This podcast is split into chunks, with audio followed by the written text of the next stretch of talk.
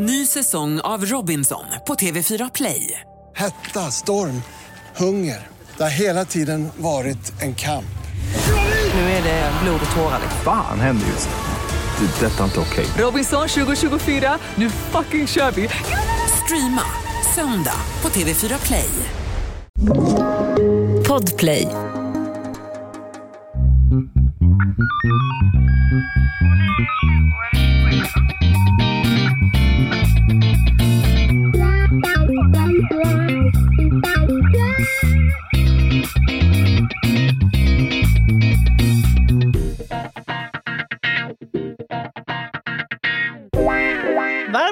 Välkomna till krimpoddarnas krimpodd Över min döda kropp med mig, Anna Jinghede och Lena Ljungdahl.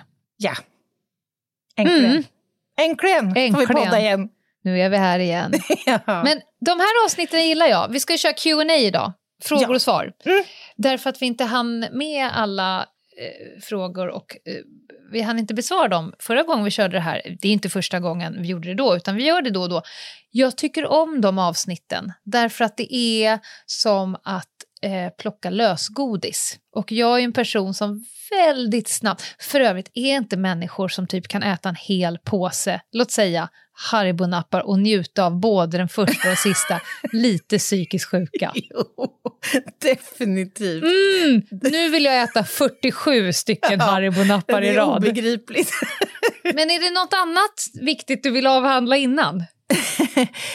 Du tänker på veckan som har gått? Nja, alltså Mm. man kan väl säga att både du och jag går lite på rött nu. Eller jag kan inte tala för dig, men om jag talar för mig så, så går jag definitivt på rött just nu. Mm. För vi skriver bok och vi poddar och vi jobbar och vi föreläser Mm. och vi fixar och trixar med massor med saker. Och just nu har det hopats lite. Men så får det vara. Förstår du hur, jag skulle säga att 90, 90 procent av våra lyssnare, i alla fall de som har varit med oss ett tag, Ah. Rullade nu sina ögon så långt bak att de såg sin egen järnbark. Ja. Mina Ja. vänner, just nu är det lite mycket Fanna Jinghede. Ja. Precis just nu, den här veckan, så, så går hon på rött. Det har ju du gjort sedan 2019, Anna. ja, fast nu är vi liksom ändå nere på ångor. Lite så. Du Men- går på knogarna. Ja, jag är lite så på köttslam så Ja, på knogar. Ja. Nej då, det är inte så farligt. Nu ska vi i alla fall podda och ska vi börja med en fråga som är riktad till oss båda? Vi har fått jättemycket härliga frågor. Ja, vi kommer inte hinna klart den här gången heller. Det kommer bli fler Q&A men gör gärna det. Börja med en Ja. gemensam fråga. Ja, men jag tycker ju en fråga som, som återkommer lite titt som tätt men i olika varianter det är ju detta, den ständiga frågan om piketbussen. Vad gör en piket Mm. till en piket? När blir en buss en piket? Och kan en piket Ja. vara vilket fordon som helst? Det här är en jätterolig fråga som vi också har avhandlat ibland. Därför att förr i världen så fanns det ju faktiskt eh, en polisiär funktion som hette piketen.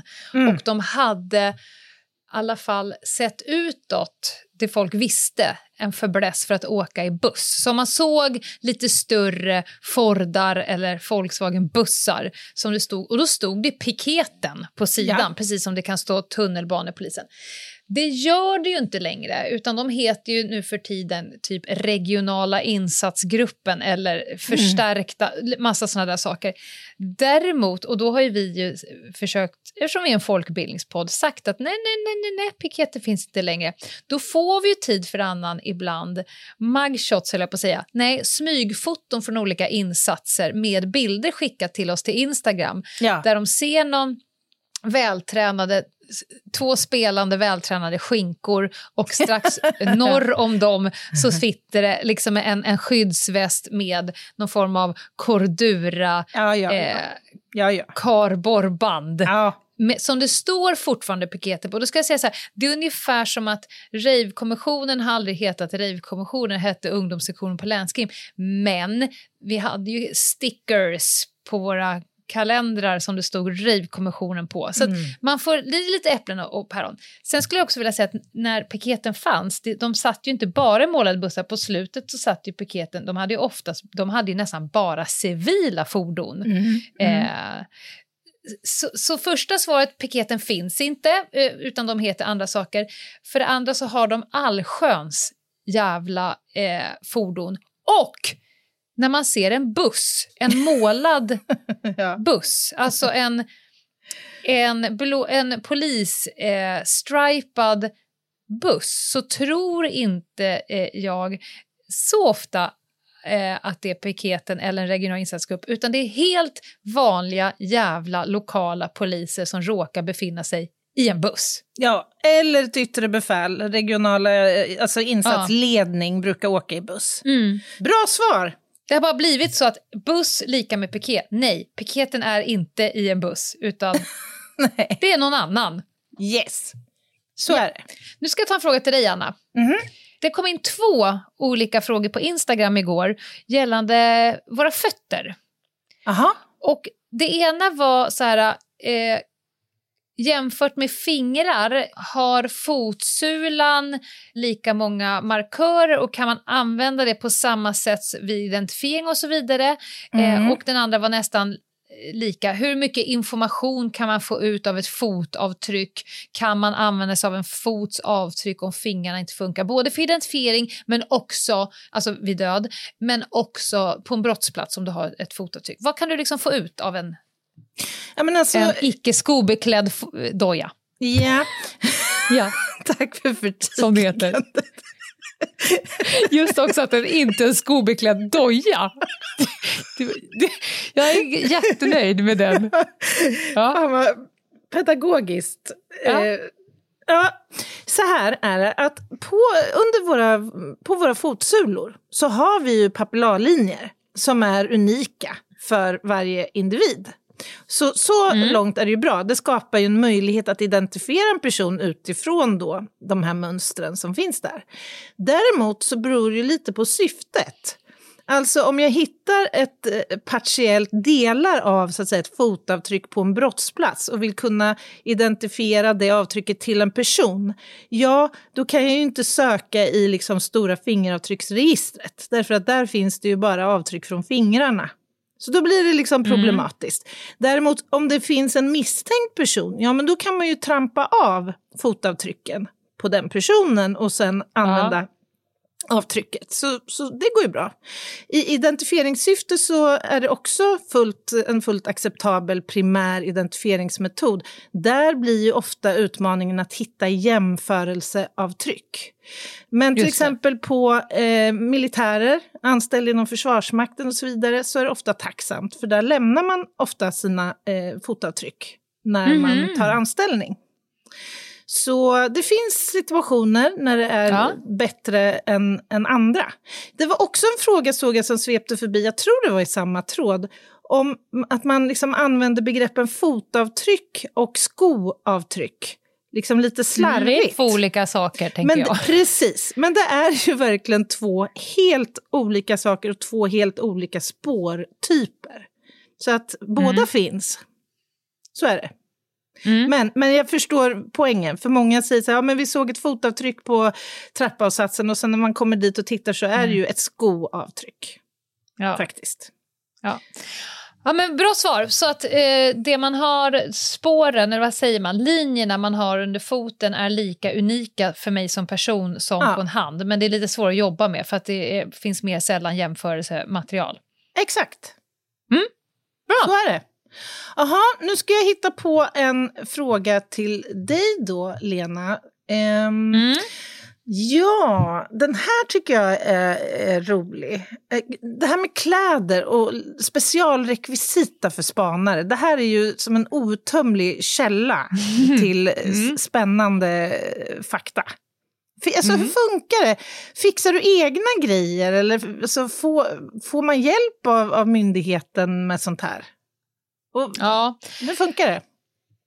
Ja, det här är, är ju väldigt, väldigt spännande. Dels så, tidigare i alla fall när det var flera olika polismyndigheter, då kunde det vara extremt skillnad. Där man till exempel i en polismyndighet, säg Uppsala eller någon, fick, då fick kanske spanarna 5 000 kronor per år för att köpa eh, kläder och rekvisita. Medan i andra myndigheter så var det inte så. Nu är det ju en nationell eh, myndighet, så nu skulle jag gissa att man aimar för att eh, göra lika över hela Sverige och jag skulle gissa att summan man får är noll kronor. Mm. Därför att spanare har alltid blivit hanterade lite som den tråkiga kusinen från landet. Alltså hundförarna får specialbyxor för att de ska kunna springa i skogen. Kriminaltekniker får specialväst för att ni ska ha så jävla mycket prylar. Mm. Eh, spanare så ska du ha tio olika kläder under ett och samma arbetspass och det får du fan i mig fixa själv bara. Mhm. Eh, så, att, så har det ju alltid varit och så eh, skulle jag gissa att det fortfarande är. Så att ja, man fixar egna grejer. Det finns inte anställda som jobbar inom myndigheten med att eh, det finns liksom inte ett, ett förråd där sitter tio sömmerskor och eh, syr om. Eh, En, en lösnäsexpert och så. Nej, men du vet, så här, "Åh, jag skulle behöva ha ett specialhölster så att jag kan ha den här blommiga klänningen på mig. Ja, ja, lämna in klänningen så har du på tisdag. Finns inte. Däremot så runt polishuset, i alla fall Stockholm, så är de olika sko och nyckelservice, handväskslagarna rätt så vana tror jag att Mm. modifiera olika saker. Eh, jag vet också att det finns lite poliser som eh, har mäcklat med det här rätt mycket och Själva. hjälpt varandra Mm. Mm. Eh, så att man gör det på sin fritid för egna pengar, blir nog det enkla svaret. Och sen så vissa lägger manken till rätt så mycket och vissa går lite runt på det man har och då kan du bara räkna ut vilka man har mer nytta av i flera olika tillfällen och situationer och vilka som blir lite stationära i sin bil eller i en holk. Mm.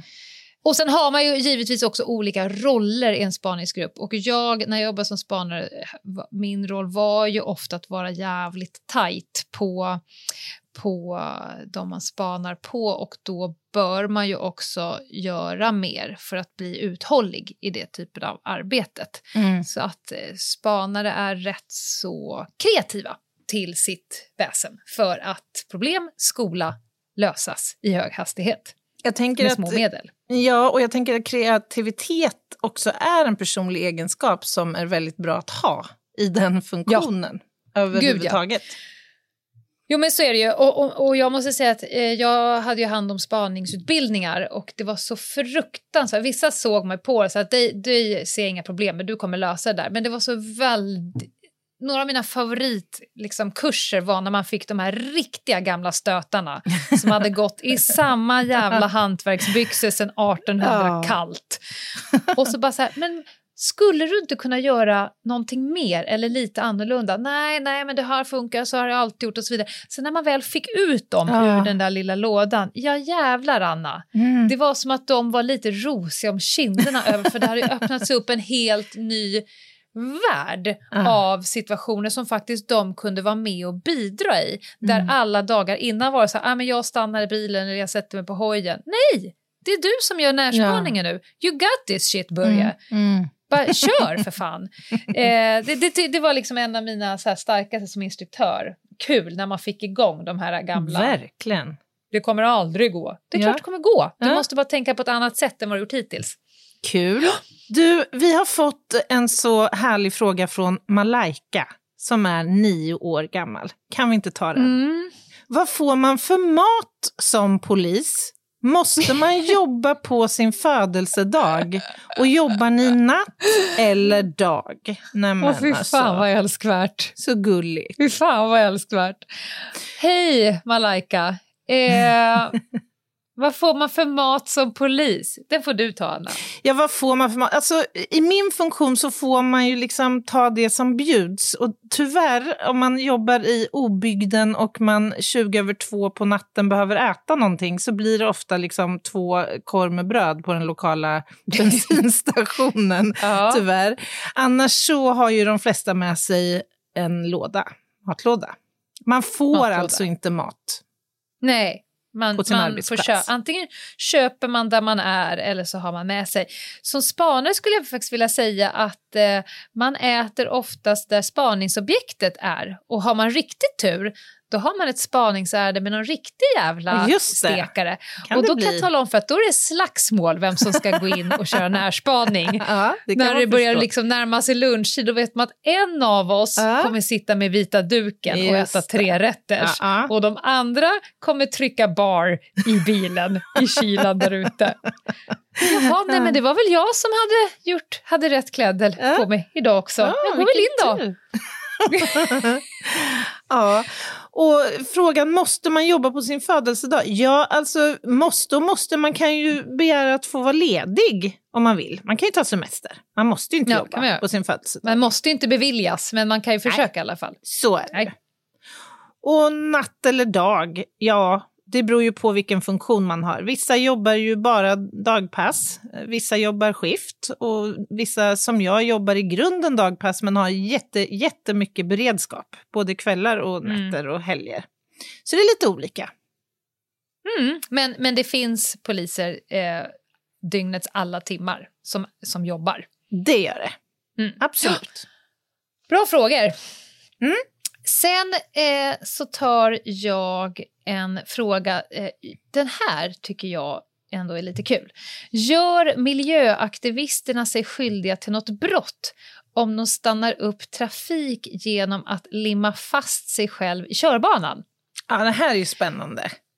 Det här händer ju tid för annan. Eh, och det är, ja, det är brottsligt. Sen är det såklart på grund av omständigheterna och, och anledningar och sådär. Men vanligast är att de döms för sabotage. Eh, Mm. och ohörsamhet mot ordningsmakten. Det där med ohörsamhet mot ordningsmakten, det betyder ju egentligen att det har kommit en polis och sagt åt dem att nu flyttar ni på er, Mm. nu. Och eh, då säger de eh, nej, det gör vi inte. Utan de säger Skydda våtmarkerna." Jag är fastlimmad, skriker de. Eh, och eh, då, Mm. då hörsammar man ju inte den tillsägelse man fått från ordningsmakten. Så det är det brottet. Sabotage är ju ett annat brott. Och jag kikade faktiskt lite, jag, jag hittade en dom eh, där 12 personer hade åtalats för sabotage efter att ha limmat fast sig på E4 precis i Stockholm vid eh, Karolinska sjukhuset, mitt Mm. i morgonrusningen. Då hade de limmat fast sig i vägbanan och det var rätt mycket uppståndelse kring det för folk blev jätteupprörda. Dels därför att det blev ju enormt eh, långa köer, milsköer och en ambulans under utryckning fastnade Ja, i dessa köer som var på väg till sjukhuset. Och det följer ju inte allt för väl ut för människor som läste om det här. Det, det är en sak att, vara, att själv vara sur och Ja, komma ja. för sent till jobbet, men när det börjar liksom eh, drabba liv. Alla tolv greps för eh, Mhm. sabotage. Och där konstaterar man att de här aktivisterna med flit orsakade allvarliga störningar för vad man kallar den allmänna samfärdseln. Vad heter den? Eh, och Den allmänna... samfärdseln. Alltså färd. Knepigt ord. Ja, samfärdseln. Ja, Okej, tack. man färdas tillsammans. Ja. Det vill säga, man är någonstans där folk färdas i grupp. Mm. Ja. Och sen så att de inte åtlydde polisen om att lämna vägen så dömde de även för ohörsamhet. Och eh, då har man pratat med chefsrådmannen och då sa de att vi kom fram till att de på ett allvarligt sätt stört och hindrat trafiken och att vi har prövat de invändningar som då de här eh, åtalade hade haft. Eh, och de hävdade att det inskränker deras grundlagsskyddade demonstrationsfrihet Ja. om de skulle dömas för det här brottet. Eftersom vi har ju en, en Mhm. långtgående demonstrationsfrihet. Eh, och då så eh, skrevs det i domen då att i, visst så innebar det en inskränkning av friheten, Mm. men den här inskränkningen är både legitim, alltså Mm. att det finns eh, stöd i lag att inskränka folks friheter, och också eh, proportionerlig Just det. inskränkning. Mm. Det vill säga, du får absolut abs- eh, demonstrera, men inte här och Mm. inte nu. Och inte... Och när vi säger till att du ska flytta dig så ska du göra det. Mm. Eh, och därför dömdes de då till eh, både sabotage och ohörsamhet mot ordningsmakten. Så ja, det kan vara ett brott att göra. Det är inte varje enskilt fall att bara för att man limmar fast sig någonstans så är det de här två brotten. Men i det här fallet, under de här omständigheterna, så nådde det upp till rekvisiten för de två brotten. Intressant dom, måste jag säga. Mm. Och eh, innan vi tar nästa fråga så går vi på en liten paus. Jag kan inte, jag har limmat fast mig. Jag kan inte gå på paus.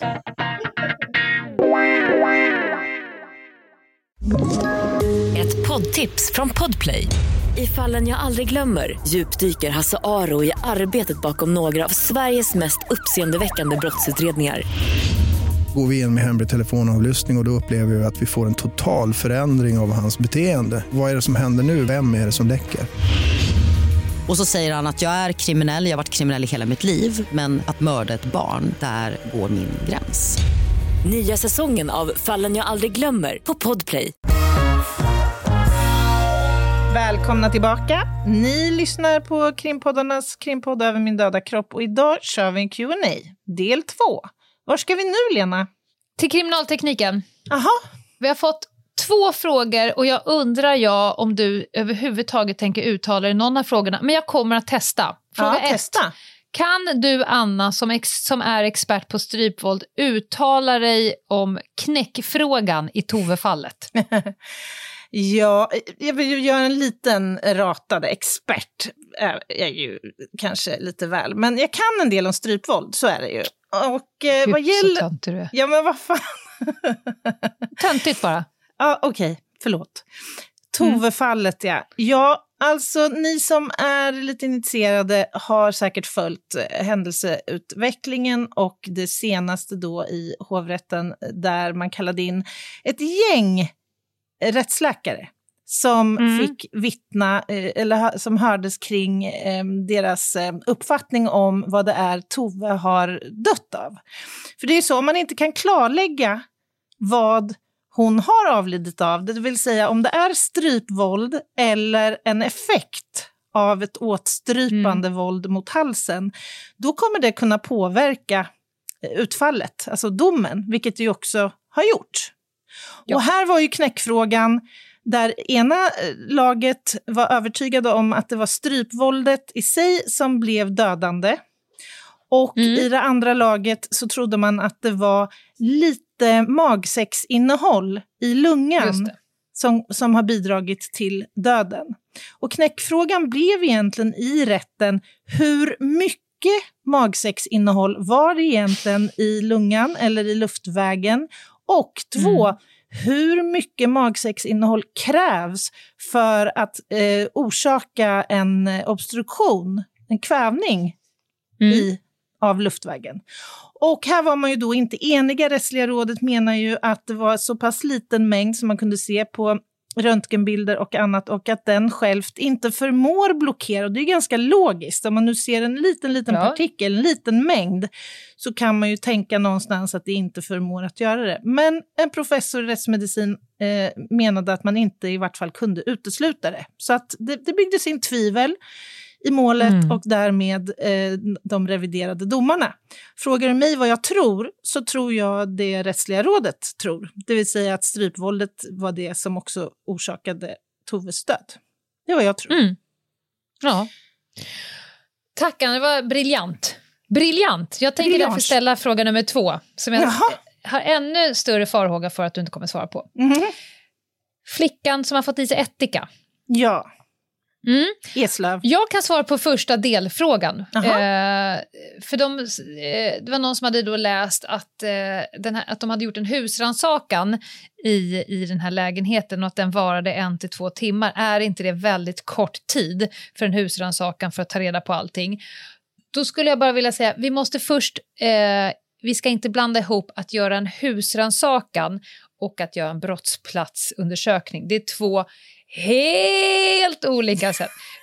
det du, det, ja. du, det, det, man kan läsa, alltså jag skulle kunna göra en husrannsakan i den lägenheten på fem minuter därför att eh, jag kanske gör en husrannsakan med anledning att jag ska gå in och hämta den kvarglömda telefonboken. Pang, mm. jag är inne och mm. ute på fem minuter. Då behöver jag en husrannsakan som beslut i grunden och jag har fullgjort min åtgärd. Sen kan en husrannsakan hålla på i tre dagar om man ska borra isär och leta efter ett halvt gram, inte vet jag, pulver eller någonting. Mm. Eh, en brottsplatsundersökning förundersökning eh, efter ett sånt grovt brott som det då finns en misstanke mm. om. Det gör man inte på en till två timmar och det har man inte gjort i det här fallet heller, skulle jag gissa. Nej, det har man inte gjort. Och när det gäller eh, barn, gr riktigt grovt våld mot barn, så är någon slags eh, grundläggande princip att man släpper inte heller en brottsplats för snabbt. Nej. Och det beror på att det ofta i de här fallen kommer att presenteras en massa olika förslag på vad det är som har hänt barnet i fråga. Mm. Och alla de utsagorna måste vi eh, ställa upp och pröva som hypoteser mot fakta som vi säkrar på den här platsen för att kunna Mm. antingen avfärda dem eller styrka dem. Det här fallet sticker ju ut, får man säga. Det här är ju det är en flicka som ingår i en större syskonskara och som är det enda barnet i syskonskaran som har utsatts för det här isolera, de här isolerade liksom våldshandlingarna då bara riktade mot henne. Och där våldet har innefattat allt ifrån att hålla henne både frihetsberövad fysiskt i olika miljöer. En tvättstuga bland annat har hon behövt sitta bakbunden i en barnstol i flera dygn alltså och utan att ha fått vätska och mat som hon har behövt. Hon har fått äta rester från övriga familjen och hon, eh, ja, hur hon har överlevt detta våld eh, är för mig en gåta. Hon var i så Mm. dåligt skick när det här uppdagades och det här är inget som är hemligheter utan det har faktiskt också rapporterats om nu i media. Mm. Men hon var i så dåligt skick som man var osäker på om hon skulle överleva. Hon hade en kroppstemperatur på 33 grader när hon fick Jävlar. vård. Mm. Så att det här är faktiskt ett av liksom modern tids... Alltså vi har haft såna här ärenden tidigare, naturligtvis. Bobby är ett exempel, Ja. Jara, flickan är ett annat. Det. Så det här händer titt som tätt, men det är ganska ovanligt. Och detta att påtvinga syra är ju eh, också ovanligt, men det förekommer. Jag har faktiskt tillfrågats helt nyligen med anledning av ett eh, fall i ett annat grannland till oss. Ett Mhm. liknande ärende. Så det sker, men det är ovanligt, skulle jag vilja säga. Och det är vi väldigt, väldigt glada för. Men men jag, all, all, alltid när man hör sånt här så tänker jag så här, åh, jag går och tittar på huset, så undrar om det sitter någon där Ja, inne, undrar om det ja. är någon där, undrar om det är någon på min, mina barns skolor, undrar om det är liksom någon, alltså man vill bara så här, Ja, nej, så nej. tänker jag med, ska jag säga, när man kommer in i en sån här miljö och man konstaterar, men herregud, vad är det för livsföring som det här barnet har haft? Eller livsmöjligheter. Och det här är ett barn, precis som du säger, hur många finns det där ute som vi aldrig kommer Mm. att hitta? Som lever Usch, under som blir, här som, terror. ja, och som blir en, en, en produkt i din eh, forskning sen. Ja, tyvärr. Tyvärr. Dödligt våld mot barn. Mm. Ja. Nej, Okej, tack för att du svarade på de två ganska svåra. Jag vet ju att du har jättemycket kunskap om, om ärendena men som du inte kan, ska eller vill dela Nej, med. Men det var men bra att du sa det du kunde. Mm. Ja, ja, absolut. Jaha, vad ska vi gå? Det var ju någonting här. Jo, den här frågan. Kan man skriva upp sig någonstans för att vara skådespelare på polisens övningar och träningsmoment? Ja, den här kommer, jag vet för jag klippte ut den frågan, det var en som eh, tidigare hade bott tror jag i USA, där det var Aha. lite mer strukturerat, att man kunde så här, signa upp sig för polisens övningar. Det vet inte mig veterligen, men eh, jag kan säga jag var ju heltidslärare på polisutbildningen förut. Mm. Och där hade vi ett eh, mycket bra samarbete med, med skådespelare. Just och ju det. svårare övningar, för att ibland så övar man ju rätt mycket på varandra, att nu är det din tur att, att släpas in i bilen och sådär. Mm. Men, men ju svårare övningar när det kommer till att lämna dödsbud, men, men framför allt när vi hade kurserna våld i nära relation, Ja. för att det ska bli, för att det, ju mer autentiskt man får öva, eh, desto bättre blir man ju Alltså- mentalt förberedd. Jag måste säga att ibland så var skådespelarna så bra så att man Ja. sattes liksom i kontext. Det var nästan som man Ja, själv ja. fick det jobbigt. Faktiskt. Och det tror jag är otroligt viktigt. Alltså att man når dit och får testa verkligen hur man funkar i en sån situation. Mm. Eh, ja, jag vet en skådespelare som vi hade eh, då när jag var lärare. Mm. Fan, han var fan på gränsen hela tiden. Ibland undrar jag så här, har du, du, du, vet, du har, måste också ta lite regi för att vi har ju en pedagogisk plan Ja, med just vart den här övningen, om, om de ska få öva på det där eller om de, liksom, om de ska lyckas med när Mm. de jobbar med sina nycklar. Så, där. så ibland så var man så här, fan dras inte med nu för mycket, du är inte aset, du ska bara Just spela det. Ja, ja, ja, ja. De gick Eh, in i karaktär. Så Ja. de... Och jag använt mig, på spaningsutbildningarna har vi använt oss av mycket eh, personer som figuranter, både skådespelare men också polare som är duktiga på allt från att vara i terräng eh, eller Mm. så. Men jag, jag, jag vet inte om det finns någonstans där man kan, som människa bara kan signa upp. För det, jag förstår att det hade varit skitkul. Jag hade själv velat...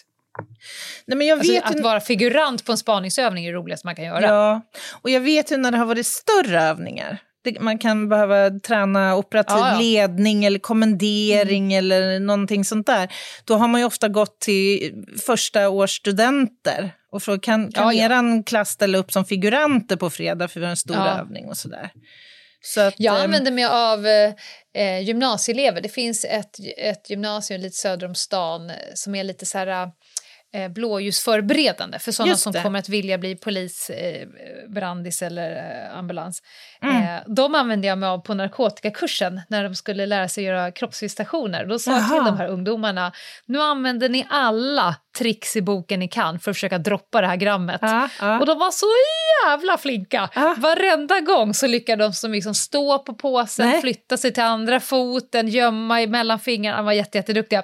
Coolt. Eh, och, och, och man lär sig så mycket att vara på andra sidan, på motståndarlaget. Du lär, sig ju, Mm. lär dig ju skit det kan jag verkligen tänka eh, mig. mycket. Mm, ja, verkligen. På sko, skol, kommer du ihåg de här skolövningarna när man själv gick på polisutbildningen, när man skulle öva demonstration?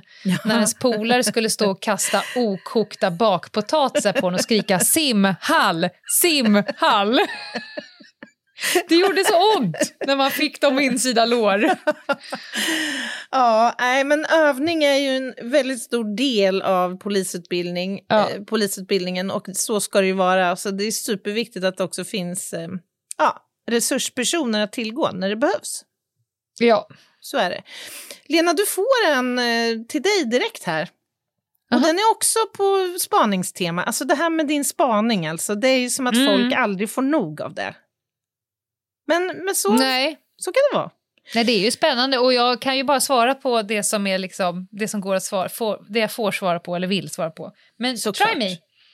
Ja, kan en spanare träda i tjänst som vanlig polis om denne ser ett pågående brott av våldskaraktär? Eller backar man ur situationen? Mhm. Ja, för det första så är man ju vanlig polis som spanare. Man, man blir liksom inte, man avträder inte som polis och eh, så att man har kvar samma, samma befogenheter, samma skyldigheter, samma rättigheter. Du har inte varken en gräddfil eller att du inte får eh, ingripa, utan du både får och i vissa fall måste ingripa, precis som om jag inte hade varit spanare. Däremot så vill man det ju väldigt ogärna. För det ligger i sakens natur att om jag har eh, ägnat mig, jag har klätt på mig och jag har sytt och jag har tänkt och jag har varit kreativ, då vill man ju inte när man är, står fyra meter bakom den här personen som man har spanat på i åtta månader helt plötsligt skriva stopp i lagens namn för att någon eh, cyklar med trasig lampa. Skulle, eller... skulle du skrika så? Stopp i lagens namn? Absolut, det är precis det jag skulle skrika. Bara det. Stopp i lagens Ja. namn? Ja, Ja. okej. Nej. Nej, men det kan man ju förstå. Eh, det skulle jag inte göra. Eh, skulle det ske ett våldsbrott, vi, om vi också pratar interimistisk passivitet eh, lite grann, för att det kan ju vara så att de man spanar mot begår brott. Mm. Eh, och kanske inte brotten som vi håller på att utreder, utan andra brott, såsom att de säljer knark eller eh, stjäl saker eller något sånt där. Mm. Eh, då finns det ju ett juridiskt begrepp som heter interimistisk passivitet, det vill säga inte här och nu kommer jag inte ingripa, men jag kommer att dokumentera och notera och sen kommer personen lagföras för det i efterhand. Men om det är någon annan, säg att jag står och spanar på någon och sen så är det någon som blir misshandlad på trottoaren Mm. precis där jag står. Eh, det har faktiskt hänt. Det var en, en kille som drog en ganska hård lavett över kinden på ett barn som satt i en barnvagn. Ja. Ja, då, det är inte där och då som jag börjar bli bara, nej, jag är spanare. Nej. Utan då blir jag liksom Lena. Jag tror att jag hade ingripit likadant om jag inte ens var polis. Lejoninnan. Exakt. Ja. Nej, men eh, det går oftast att sköta smidigt. Jag kan blixtsnabbt på radion säga så här, jag måste, jag måste äh, avvika. Någon Mm. annan får ta över. Mm. Det, kan, det kan bli att jag behöver tappa mitt spaningsobjekt, det kan bli att någon annan Mm. tar över, men jag kommer ju inte låta ett, ett våldsbrott, eh, framför det här fallet inte mot ett barn, bara passera för att jag är på ett jävla viktigt uppdrag Nej. i något jävla kokainärende. Utan då träder man i tjänst, eller jag var ju i tjänst hela tiden, utan då, det finns ju någonstans i, i handskfacket ligger väl polislägget och dammar. Mm, mm. Eh, då, då kliver man in och sen så poliserar man lite Mm. grann. Och sen så försöker man så fort det går eh, gå tillbaka till spaningarna. Simma det vill säga man, man simmar ur bild, man tillkallar eh, eh, ordnings-IGV-poliser. Det kan också vara så att man väntar så, man kommer, så att spaningsobjektet kanske kommer runt hörnet så inte de Mm. behöver se vad som för sig går. Mm. Det brukar oftast lösa sig smidigt, men man både får, bör eh, och ibland måste eh, ingripa på saker Mm. som händer runt omkring. Bra svar. Då ska vi se här, då ska vi ta en gemensam som jag såg. Vad var det nu då? Jo, men jag vill prata lite bok. Ja. Jag vill att du eh, berättar hur det känns skrivprocessen bok två jämfört med skrivprocessen bok ett. Ja, jag fnissar ju, för att just nu så känns ju skrivprocessen lite motig. Men det är ju för att eh, jag är trött, helt enkelt. Min hjärna är trött, min kropp är trött och jag känner mig sådär lite oinspirerad. Samtidigt så känner jag mig superinspirerad därför att jag ser ju nu när jag läser igenom och eh, korrigerar ändringar som är kvar att fan, det här blir ju en riktigt bra bok. Och jag ser att vi har Mm. utvecklats väldigt mycket skrivmässigt och skrivtekniskt. Vi skriver fortare, det är färre korrigeringar från eh, redaktören. Alltså vi har utvecklats väldigt, väldigt mycket. Mm. Och det är ju peppigt på något sätt att liksom, fan kan vi, kan vi klå första boken nu? Kan vi, kan vi skriva en ännu bättre bok? Är det ens, är det ens möjligt? Lite de tankarna fightas jag med. vad fint. Ja, Ja. jag tror det faktiskt. Hur känner du? Nej, men jag reflekterade om kvällen. Jag skrev fyra kapitel på en, en kväll och en förmiddag. Fyra Mm. kapitel skrev jag och dyngade in. Det hade ju absolut inte hänt med bok ett. Och då menar jag fyra ganska bra kapitel, inte bara bulka text. Nej. S- så jag, jag håller med dig. Det, eh, för min egen del så går sakerna mycket lättare. Jag, eh, det är mindre motstånd. Jag vet exakt formatet för en bra dialog. Eh, färre enkla misstag och sådär. Och sen så har vi också en jävligt mycket roligare process med, med förlaget. Jag, Mm. jag älskar vår redaktör. Så att Mm. det, jag skulle säga att det är ganska stor skillnad. Också en stor skillnad skulle jag säga är ju att vi känner karaktärerna. Och jag Ja, tror att det verkligen. öser ur. Få Verkligen. gånger behöver jag bromsa upp och tänka hmm, hur hade Nicky reagerat på den där kommentaren? Mm. Eller vad gillar hon egentligen? Alltså nu Mm. vet jag, Mm. känner ju henne. Mm. Eh, vilket gör att eh, reaktioner, känsloyttringar, allt sånt där, det, de, de, de skriver sig själva. Mm. Därför att jag vet precis eh, hur hon mår när det där händer. Så att det, det, är, det är roligt. Mm. Eh, jag, jag, känner också, i, i förra boken så åkte jag in och ut ur boken och var tvungen att börja om. Mm. Nu är jag liksom i boken hela tiden. Mm. Mm. Eh, skriver jävligt mycket text. Mm. Så det, ja, Mm. stor skillnad. Ja, verkligen. Och roligt. Nu ska vi gå på paus. Sen efter pausen ska du få prata blod. Jaha. Välkomna tillbaka då. Poddtips från Podplay. I podden Något Kaiko garanterar östgötarna Brutti och jag, Davva, dig en stor dos skratt. Där följer jag pladask för köttätandet igen. Man är lite som en jävla vampyr. Man har fått lite blodsmak och då måste man ha mer. Udda spaningar, fängslande anekdoter och en och annan arg rant. Jag måste ha mitt kaffe på morgonen för annars är jag ingen trevlig människa. Då är du ingen trevlig människa, punkt. Något Kaiko, hör du på Podplay. Därför är gardinerna. Välkomna tillbaka till Krimpoddarnas krimpodd Över min döda kropp. Jag lovade att Anna skulle få prata blod. Gud vad härligt. Här kommer en fråga. Om det vid ett mord finns en stor blodpöl, går det att dra slutsatser av själva färgen av blodet och om blodet får ligga x antal dagar, förändringar i, i färg och konsistens i själva pölen. Varsågod. Mm, oj. Ehm, ja, både ja och nej.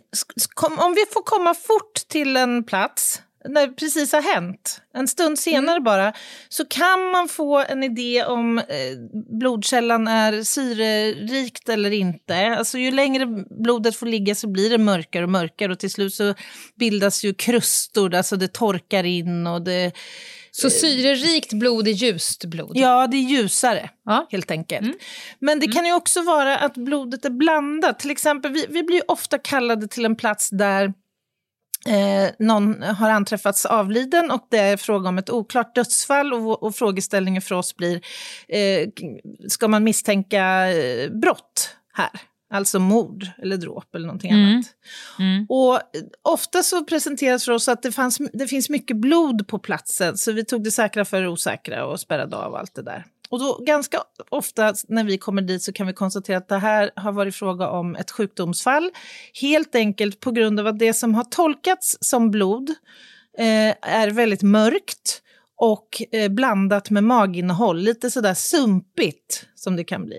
Många Ja. etyliker, många som dricker mycket alkohol eller missbrukar eller har ett, en dålig liksom, livsföring, de kommer att utveckla eh, liksom, de här kräktillstånden. Och då, ofta Ja. så spricker, spricker blodkärl i matstrupen. Helt enkelt. De har blödningar i magsäcken och i, i matstrupen. Mm. Och det kan man se på det blod som kommer upp. Det är ju inte blod direkt från ett kärl, så att säga, utan det är ju då blandat med magsäcksinnehåll och det ser lite annorlunda ut. Så det beror lite på. Ibland så har blodet skiktat sig, så plasman liksom är i en del av pölen och eh, blodkroppar och det andra i en del av pölen. Och det kan ge oss en idé om också att det har gått en viss tid sedan blödningen hamnade, eller blodet hamnade på, på ytan. Men sammanfattningsvis så kommer ni ju ge er på eh, blodpölen med all er nyfikenhet och titta på både konsistenser och färger och temperaturer och eh, riktningar och sådär för att den kan ge svar. Ja. Eller Ja, en, fler en, frågor. en pöl som sådan ger sällan jättemycket spännande information egentligen, mer än möjligen hur mycket blod ungefär har lämnat eh, liksom, kroppen. Mm. Och, så, och är det här platsen där personen förmodligen har blött ur? Och den typen av frågor. Mycket mer spännande är ju om vi har stänk, alltså ak ehm, aktiva blodbilder. Stänk och avkast och allt vad det nu är. Men blod är fantastiskt spännande.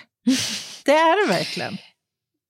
Ja, Ja, vi kommer mest troligt kom, återkomma till ämnet. Tror jag. Säkert. Jaha, var ska vi nu då? Välj en. Jag väljer en. Det här tycker jag är en bra fråga. Hur har polisen det med sitt arbete med mångfald? Jag har hört på Mm. vänner som jobbat eller jobbar inom polisen som upplevt homofobi, machokultur med mera och därmed sagt upp sig. Usch vad illa. Jag har även Mm. hört talas om rasism. Vad är era upplevelser och tankar kring detta? Det här är en bra fråga. Eh, och ja, man blir ju bestört av att höra att det är så här fortfarande Ja. inom våran arbetsmiljö, liksom många andras. Tyvärr. Vi har ju fått den här frågan, jag minns att vi hade den ganska tidigt när vi började podda. Alltså hur drabbade har ni blivit av att ni är kvinnor? Har ni blivit sexuellt ofredade? Lite om den här eh, metoo, alltså då hette det Mm. nödvärn inom polisen. Och vi konstaterade ganska snabbt att vi båda var ju extremt förskonade Mm. eh, för det här. Eh, Kanske också normaliserade, men Ja, upplevelsen är i alla fall förskonade. Ja. Eh, men men jag gick, när jag såg den här frågan så gick jag in och tittade lite på um, polisens hemsida vad man kunde hitta. Det finns ju en, en sån statlig värdegrund såklart. Det är rätt mycket ord som jag Mm. gissar dras upp på olika roll-ups på konferenser. mm. eh, Med såna här pride-flaggor bredvid. Och, och det tycker jag är bra, det är ett signalvärde. Men det är ju inte lika bra om det inte efterlevs utan att det Nej. bara är ord på roll-ups. Ja. Eh, Men jag hittade i alla fall, man kan ju själv titta, det finns en etisk policy. Den heter Mm. PM 2020 47. Men jag, så jag bara torrt. ut, det är så otroligt torrt. Jag klippte ut meningen Polismyndighetens förebyggande och främjande arbete syftar till att motverka diskriminering och verka för, för lika rättigheter och möjligheter oavsett kön, könsöverskridande identitet eller uttryck, etnisk tillhörighet, religion eller annan trosuppfattning, funktionsnedsättning, sexuell läggning eller ålder. Det här är ju en, en, en mening som jag gissar att man skulle kunna ta sån här stencilera upp och ha på varenda statlig myndighet och så vidare. Det är ungefär samma mening Ja, överallt. det tror jag. Det tror jag. Men jag måste Och ändå jag säga... tror, Ja, att man, att man, jag tror att man gång för annan försöker uppdatera sig, fräscha till. Jag, jag tror att det landar på individnivå. Är det bra chefer kommer de gå i bräschen för det här. Eh, jag vet bara på länskrim hade vi någon jävla kakburk som stod på fikaborden. Eh, etikkakor eller vad den hette. Och då till kaffet då, när man hade tre minuters kafferast så skulle man in och så skulle man dra en lapp och diskutera med sin närmsta kollega.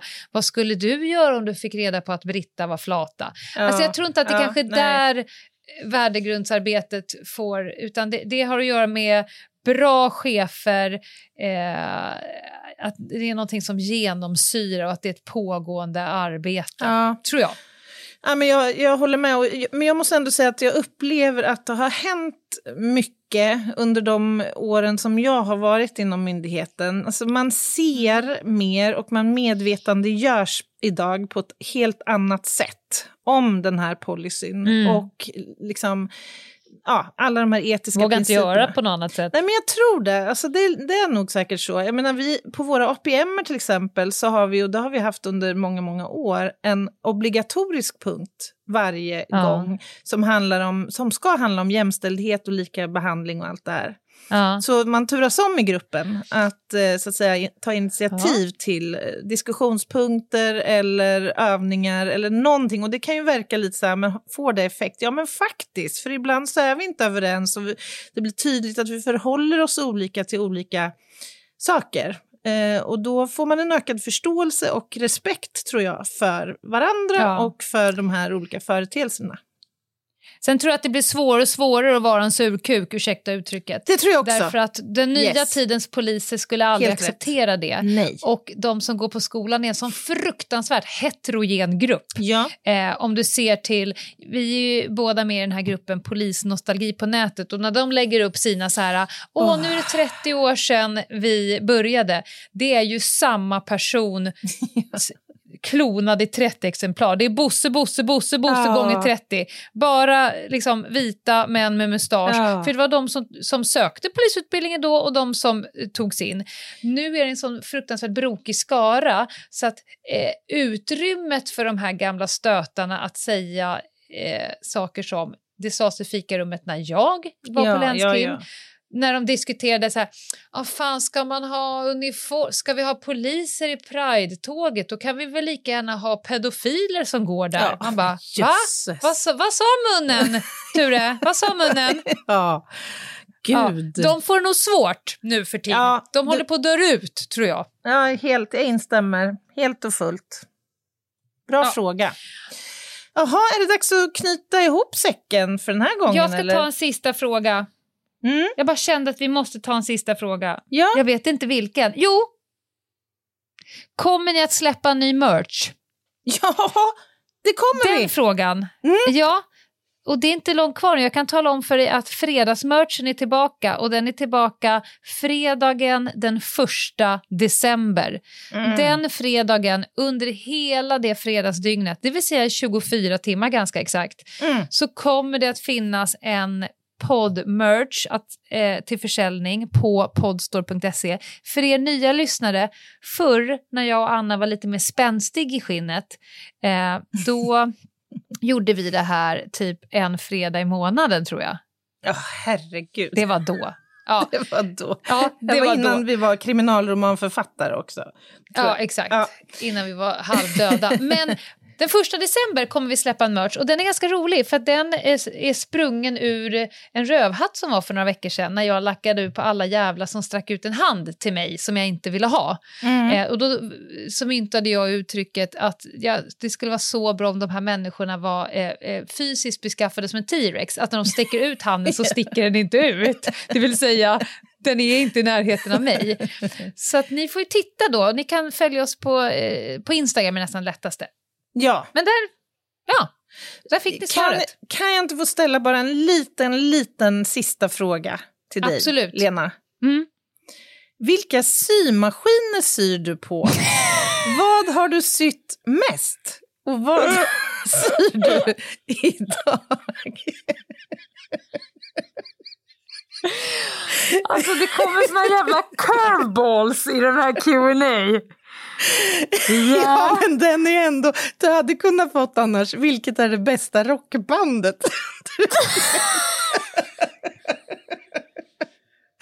det är underbart. Syr Alltså, du? det är så fant- Vad syr du? Alltså, jag syr ingenting i svaret. Jag, förr i världen, vi pratar ju evigheters år sedan. Jag är ganska duktig på sy, men jag har inte, mina symaskiner har inte varit framme sedan jag flyttade och det är ganska många år sedan. eh, så det är svaret på min fråga. Men, gud. men jag, tycker, jag tycker att det är så roligt för att när vi får frågorna, det är allt från så här hur, vad finns det för linjer under foten, blodpär, men så kommer de här curvebars och, det, och det, de tar vi oss an. Vi ser dem ju, vi hinner tyvärr aldrig med. Egentligen borde vi ha ett Q&A med bara, Ba- kommer du ihåg när vi fick frågan, vilket är ditt favoritbär, jordgubbe eller hallon? Ja, det är gulligt ju. Men jag, jag tror så fint. här att Ja, ja, alltså det är ju enda, det är också sånt som jag vill veta om andra människor. Kanske inte just favoritbär, men det är ju ett sätt att lära känna varandra, Ja. för det säger så mycket om en person. Folk vill veta, lyssnar du på Guns N' Roses eller U2 eller vad är det för typ av... av så här. Men, men det blir, det hade känts lite för mer att, att svara på sådana frågor när folk har klickat in för att höra krimpong. Ja, jag bara lite- känner så här, så. ni vill inte höra det. Vi är ointressanta Ja. som privatpersoner. Vi är så tråkiga. Ja. Åh, ja, Men nu stänger vi frågelådan för idag och den kommer att öppnas igen för att vi hann återigen bara med hälften. Ja. Anna, du har förberett en jätte, jätteviktig lista hoppas jag. Ja, men det har jag gjort. Och du kommer få komma in med den. Jag ska bara säga att Instagram istället du jagar upp oss på, Ljungdahl Inghede heter vi där. Där kommer information om merchen, hur man köper den, eh, vad vi hittar på. Eh, där kan du skicka DM. Eh, glöm för bövelen inte hörni och rösta på oss i Guldpodden. Just det. Bra. Vi är ju nominerade i fem olika kategorier i år. Helt Eh, Ja men alltså, det, det började med en kategori första året. Förra Ja. året så, så kom vi väldigt fint. Eh, vi nominerade kategorin Årets podd, Årets humorpodd. Ja, Den kunde man inte se komma. Nej, verkligen inte. Eh, årets krimpodd, givetvis. Mm. Årets intervjupodd, det är ju kul eftersom vi har ökat upp det och, och blivit rätt mycket bättre på det också. Mm. Och sen så årets eh, klippare, Oliver, Det är kul. studentklippare. Lätt värd. Gå in på eh, guldpodden.se och rösta på den podden som du tycker förtjänar din röst. Just det. Ja, då blir vi Så glada. Yes. Nu Anna, berätta. Nu kommer den. Annas jätte, jätteviktiga lista. Ja, du Lena, just den här veckan kanske hade varit bra om jag eh, fick ta mejladressen. Eh, för det brukar ju bli fel och det kan gynna oss. Ja. För att eh, jag Jaha. kommer nämligen prata om spöken och andar idag. Och det här vet jag är en het potatis. och varför ska jag göra det? Jo, därför att jag har kommit i kontakt. Nej, jag har verkligen Oj, inte kommit oj. i kontakt med. Men jag har så att säga... Signe, är det du? Är det du? Jag Nej, men- ser gardinen fladdra. Det här med spöken har varit lite en del av min tillvaro sista tiden och faktiskt även din. Tackar, tackar. Ja. tackar, tackar. Jag tittar ju varje vecka med min son. Det är obligat. Det får inte något rucka på. Vi tittar på Spökjakt. Jocke Lundells eh, produktion. Ja, de, de, Varför det? Jo, för att Sixten tycker det här är spännande och kul. Så jag ställer upp. Jag tar en flagga. Nej men gud, du måste gå till BUP. Ja, men jag sitter ju och jobbar samtidigt. Såklart. Ja, men med honom, det är, Ja. det är, något, det är Ja, felkopplat. BUP ja. Ja, just det. Ja, det är Ja. lite felkopplat. Ja, de besöker ju olika haunted eh, places. liksom. och, eh, men det är olika små apparater som de fångar upp energinivåer på. Och så. Nej, men vad tror de på det? eh, ja, absolut. Tveklöst. Oj, Japp. oj då. Ja. Och dessutom så, så utan att jinxa så kan jag väl säga att spöken ingår ju som en liten, liten bikomponent i vårt skrivande just nu. Mm. Du fattar ingenting nu? Jo, jo. Jo, jo, jo. jo. Ja. Ja. absolut. Ja. Eh, men vi ska, jag ska kasta mig in nu på eh, plats nummer fem. Jag tänker det får bli lite fakta kring, kring detta idag. Mm. Och eh, på första punkten här så skulle jag vilja prata om att vi kanske har spöken och andar närmare oss eh, i Sverige än vad vi tror. Du och jag och, många andra. Alltså i, i svenska folktron så finns ju, du vet ju, massa historier. Det är om obehagliga berättelser om vålnader och spöken och gastar och demoner och allt vad de, vad de nu heter. Och eh, de, de, de här historierna... du glöm inte den heliga anden också. Nej, just det. Hen får också vara med. Ja, ja. Eh, de här eh, historierna har ju resulterat i att i Sverige så har vi massor med platser som förr ansågs vara hemsökta och som nu då har gett upphov till eh, speciella ortsnamn. Alltså i Sverige så bor det nästan 400 000 personer inom en halv mil från platser som via namnet kan förknippas med spöken, gastar eller citat mylingar. ja. Och det här tycker jag är lite spännande. Alltså 160 platser i Sverige har med gasten att göra. Och en gaster var ju då enligt gammal folktro ett likspöke har jag läst mig till. Likspöke, smaka på ordet. Mm. Det är de bästa spökena tycker Det är jag. de bästa. Vad sägs Ja. eh, till exempel om platser som Gastmossen och Gastholmen? Till exempel. Mm.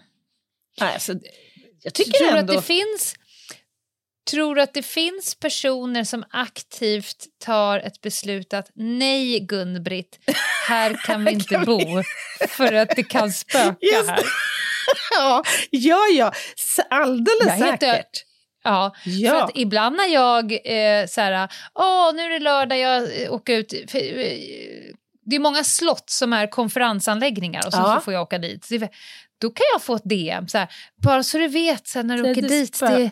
det spökar i rum 217. Man bara, okej, absolut. Vad kan jag förvänta mig? Ja, jag, jag har aldrig varit så spänd i hela mitt liv. Gud. Är det därför HDMI-kabeln är knasig i konferensanläggningen? Ja, är det han i just det. 217 som lack? Det är oklart. Det, det, det kan Ja. vara en ande som kommer och, och Dumt. besöker dig. Drunknade gastar för övrigt kallades eh, Ja. strandgastar. Och då med en enkel knapptryckning på i Lantmäteriets databaser så kan man få att det alltså finns 19 sådana här ortsnamn som innehåller eh, ordet strandgast i, i Sverige. Jaha. Ja, så är det. Ja. Plats nummer fyra. Ja. Då kanske du undrar, men vilken plats är då egentligen världens mest hemsökta? Det har du gått att fundera på, va? Är det Area 51? Ja, alltså i, om man googlar och läser på lite, så, om man tittar på listor då över världens mest hemsökta platser så, så finns ju mycket av det som egentligen kan förväntas. Det är, liksom gamla, det är gamla pensionat och det är gamla mentalsjukhus och just slott som du Mm. var inne på som då beskrivs ha mörka historier. Shutter om- Island. Ja, just det. Det är barnoffer och det är djävulsdyrkan och onda andar och, och eh, allt Mm. möjligt som... Men, men låt mig då ge dig en lite överraskande kanske insikt i detta.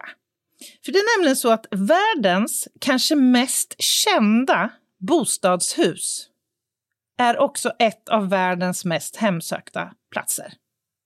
Är det, har du inte läst fel? Är det inte är världens mest besökta platser? kan det inte bara vara så att det är väldigt mycket folk där? Är det Anne Frank-museet? Vi ska till Vita huset, Lena. Ja. Ja. Där är, ja, men där är det ju as we speak ett spöke som Ja. sitter och är, är chef. Ja, ja, faktiskt. Där är ja, av, liksom, de bara följer varandra. Det finns en lång jävla eh, historisk rad av gamla spöken. Ja, men, är det elakt att säga att aldrig förr så har en president varit så nära andevärlden som just nu? Nej.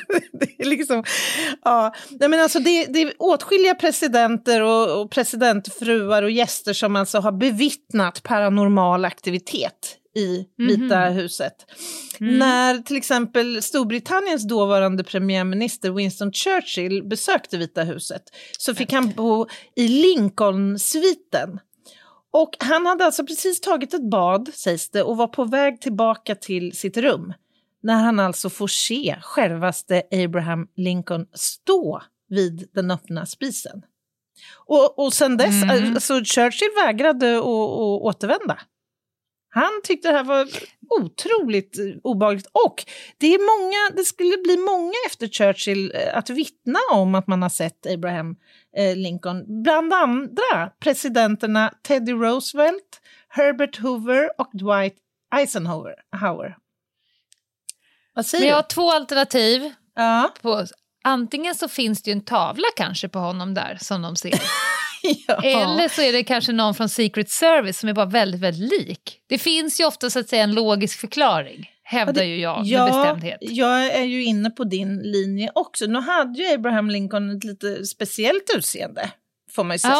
Ja, ja. Ehm, så att, eh, ja, jag vet inte om han skulle ha så att säga en, en, en dubbelgångare på Secret Service, det håller jag för osagt. Men jag har svårt att tro Tänk om det. alla på Secret Service har som standard att de måste raka bort mustaschen och ha ett jävligt ymnigt skägg. Ja, just det.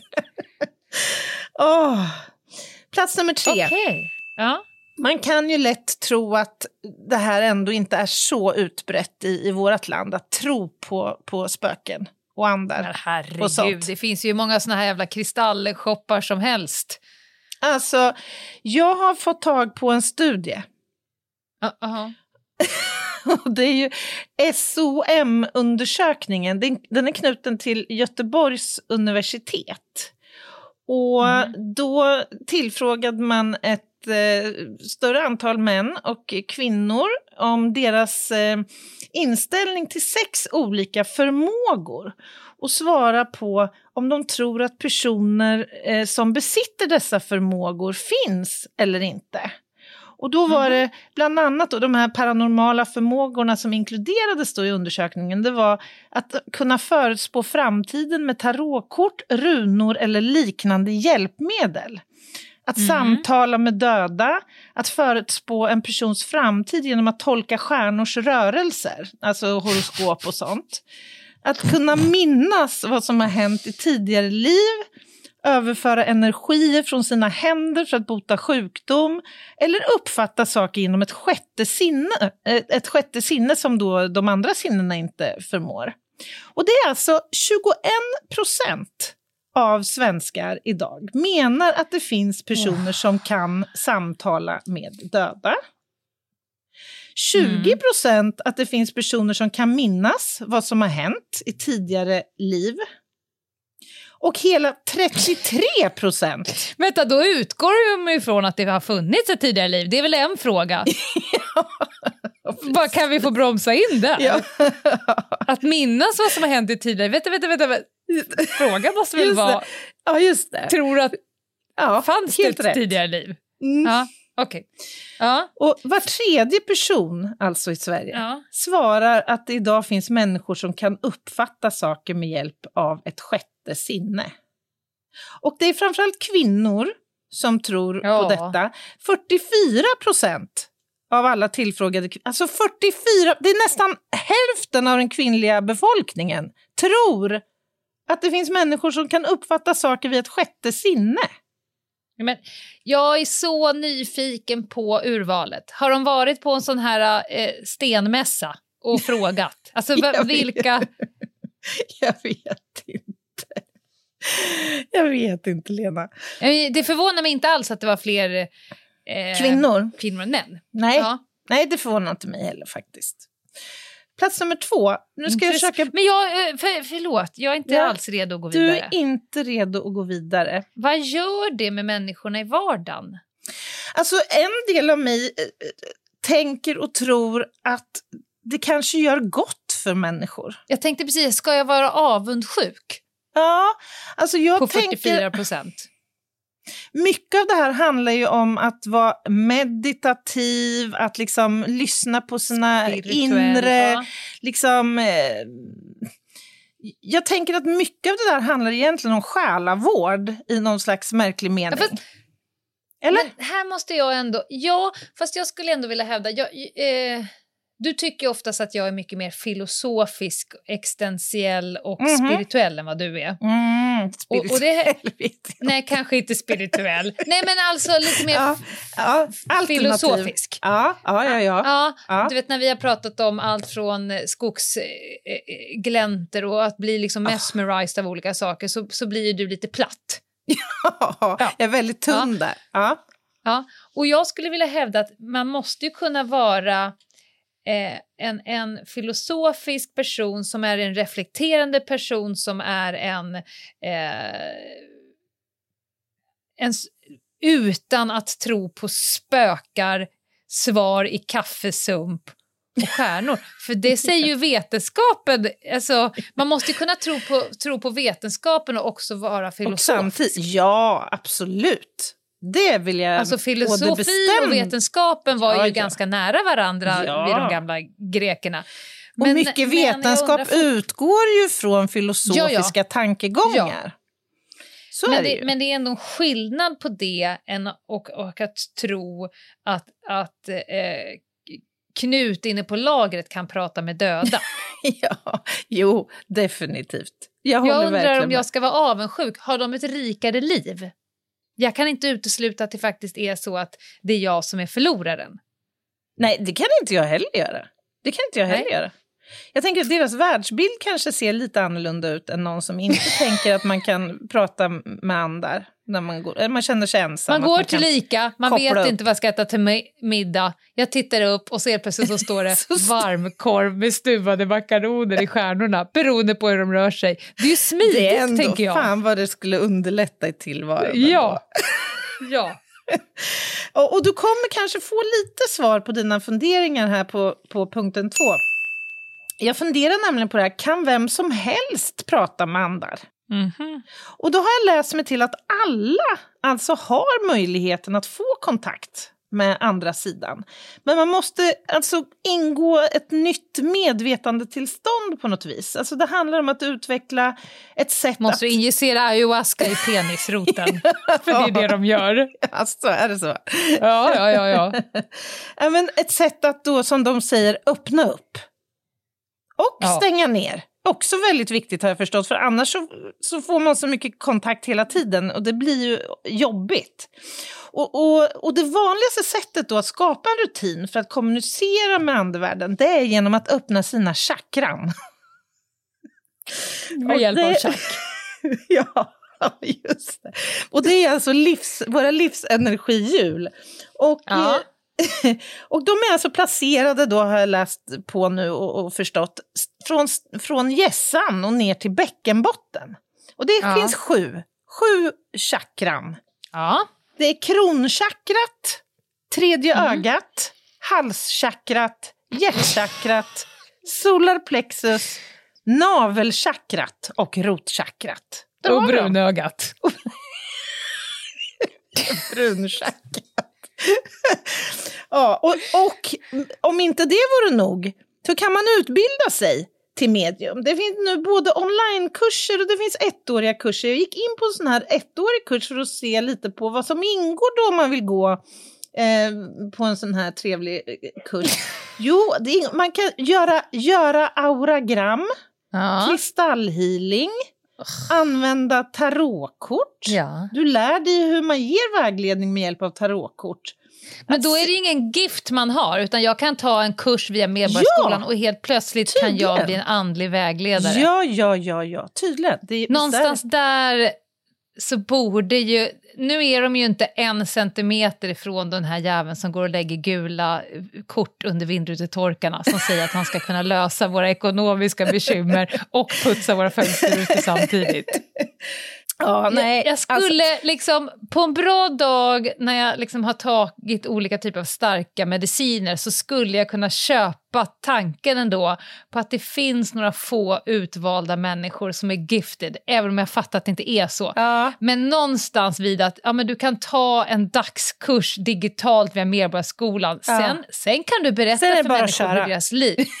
Nej, nej. Nej, det är lite Nu får ni skärpa va? er faktiskt. Det är lite tvek. Det är fan i mig tvek på den.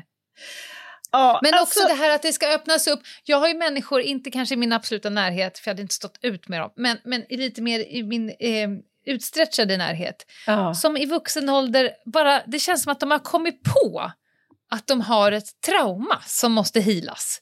Mm. Och jag vill ju ställa frågan, vad, vad är det för vad är det för, Ja, vad hemskt? Vad är det Ja. för trauma du har? Alltså Mm. när fick du det?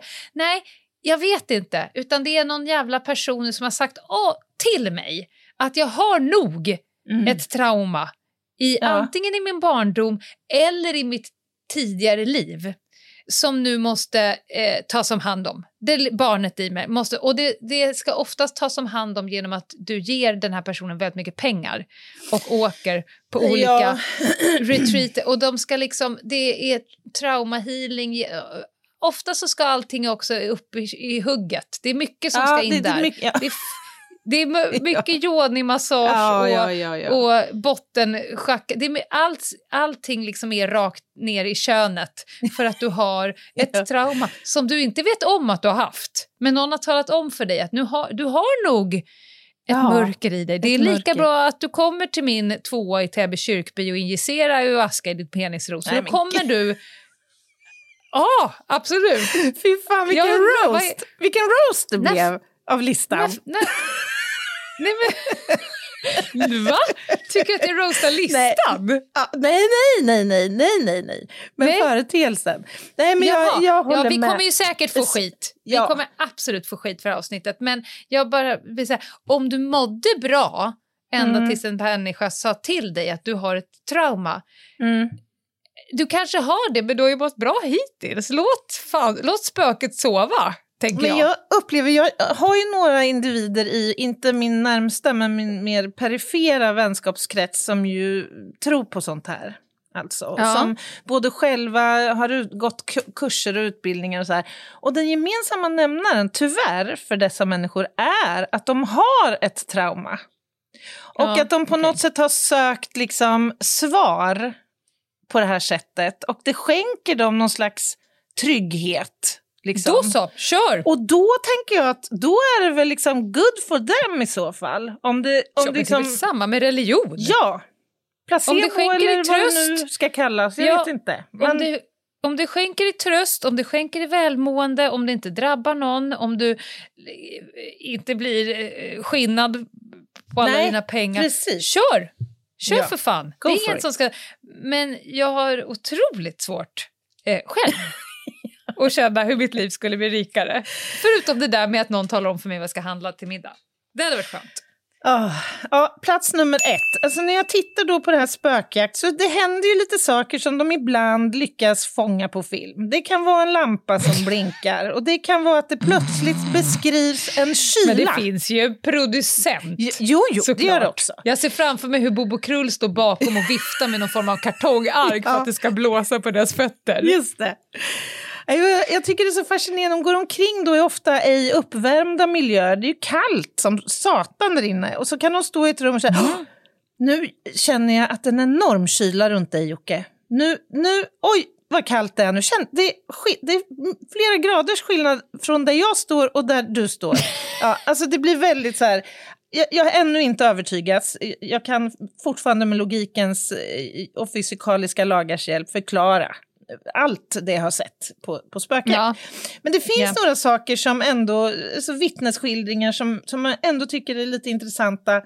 att fördjupa sig, alltså tro, själva tron på spöken och andra, det bygger på någon slags premiss om att människor har en, eh, en själ och att det finns ett liv efter detta.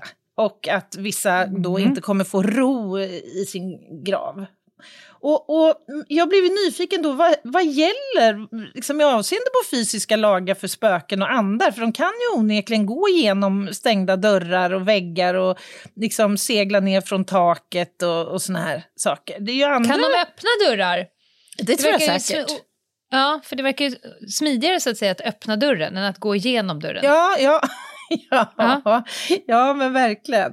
Och, och då har jag förstått att, att spöken då, eh, alltså de, är, de, kan, eh, de består inte av vanlig materia så att säga. Eh, men trots det så kan de förflytta föremål då, som till exempel öppna en dörr och, och så. Och de påverkas inte av kyla, värme och andra väderleksförhållanden. In, inte heller, det här tycker jag är spännande, så, så verkar de ju påverkas av tidens gång. Alltså de ser alltid likadana ut. Alltså spöket, de ändrar ju inte utseende trots att de har varit döda kanske i 50 år. Så ser de ju ut som de gjorde. Ja. Så här. Tror du Soldoktorn är ett spöke? Det kanske inte är han. Precis. Men det som ändå förbryllar mig allra, allra mest när jag ser detta, det är ju då att de kommunicerar med spökena. Ja. Och då kan de ställa en fråga på, låt säga svenska. Och så får Mm. de ett svar i den här lilla manickern på ett annat språk. På engelska.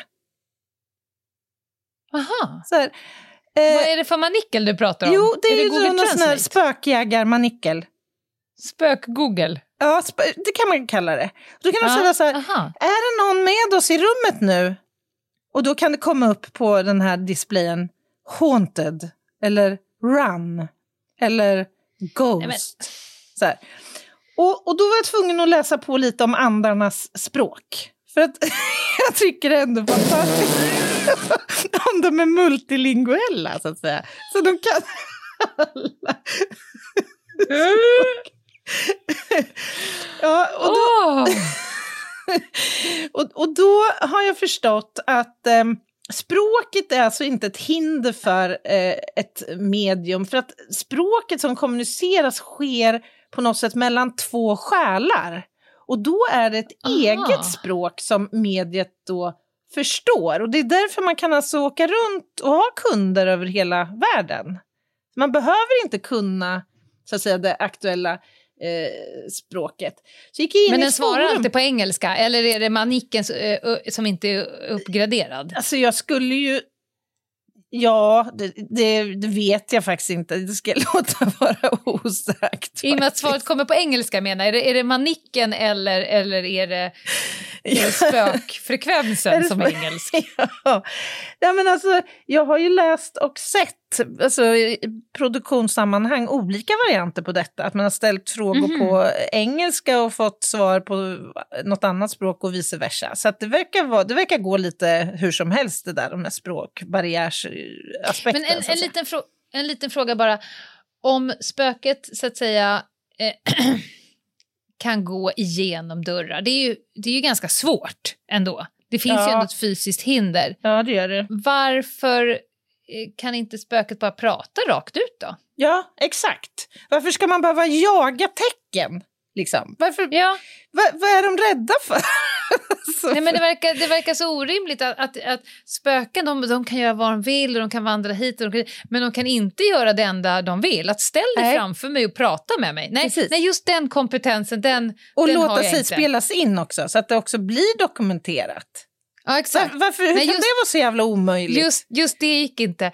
Kanske för att det hade blivit lite mindre eh, business. Lite Kanske. mindre spökjakt. Det är ju ett barnprogram ni sitter och tittar på va? Det är ju inte för vuxna nej, det här. Nej, det, det är Vad företrädesvis hette han den här Dai- Daida Floss? Han som höll på med massa Ja, slem. just det. Ja, Det låter som att det är ett barnprogram där man liksom, för där är det liksom, åh, här, nu ska vi in i svampvärlden, oh, alla har hattar som svampar. Alltså det, då skulle jag köpa allt det du säger. Men jag har svårt att Åh. köpa det när det är för vuxna och att det finns de som tror på det. Ja, men jag har i alla fall funderat på hur det skulle vara att jobba eh, med tolkande. Eller som tolkande då. Ja, ja. Tolkande alltså. Jag tar det igen. Tolkande. Ja, ja absolut. Tänker du säga upp dig?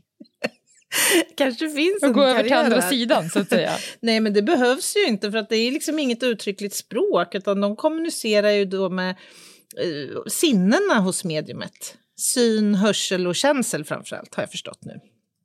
Intressant Alltså, ändå. Ja, det blir Otroligt långt intressant. igen. Nej, men jag, jag går in här och tittar på, på hur, man an, hur man lär sig det här. Soul Factory. Ja, Alltså, ja det det, finns finns, hur många- mycket som helst där ute. Hur mycket som helst.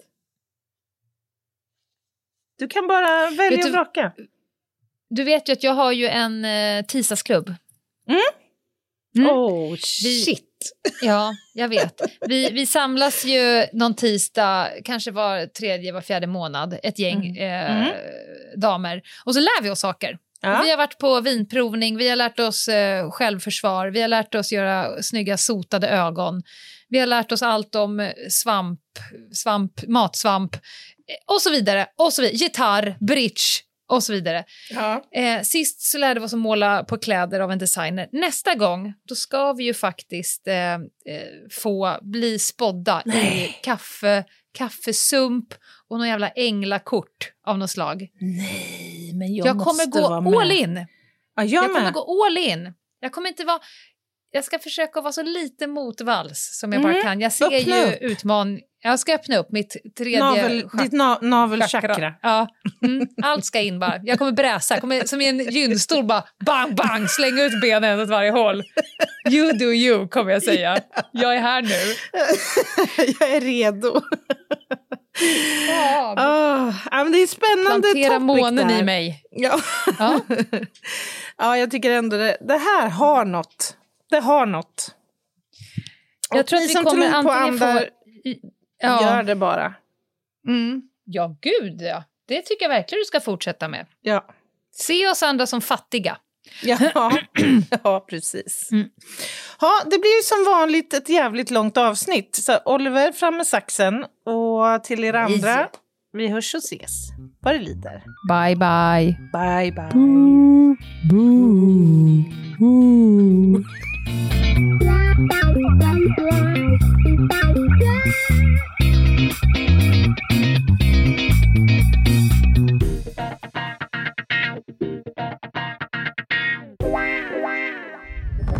Podplay, en del av Power Media. Ett poddtips från Podplay. I fallen jag aldrig glömmer djupdyker Hasse Aro i arbetet bakom några av Sveriges mest uppseendeväckande brottsutredningar.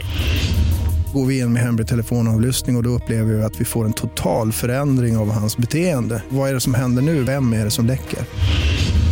Och så säger han att jag är kriminell, jag har varit kriminell i hela mitt liv men att mörda ett barn, där går min gräns. Nya säsongen av Fallen jag aldrig glömmer på Podplay.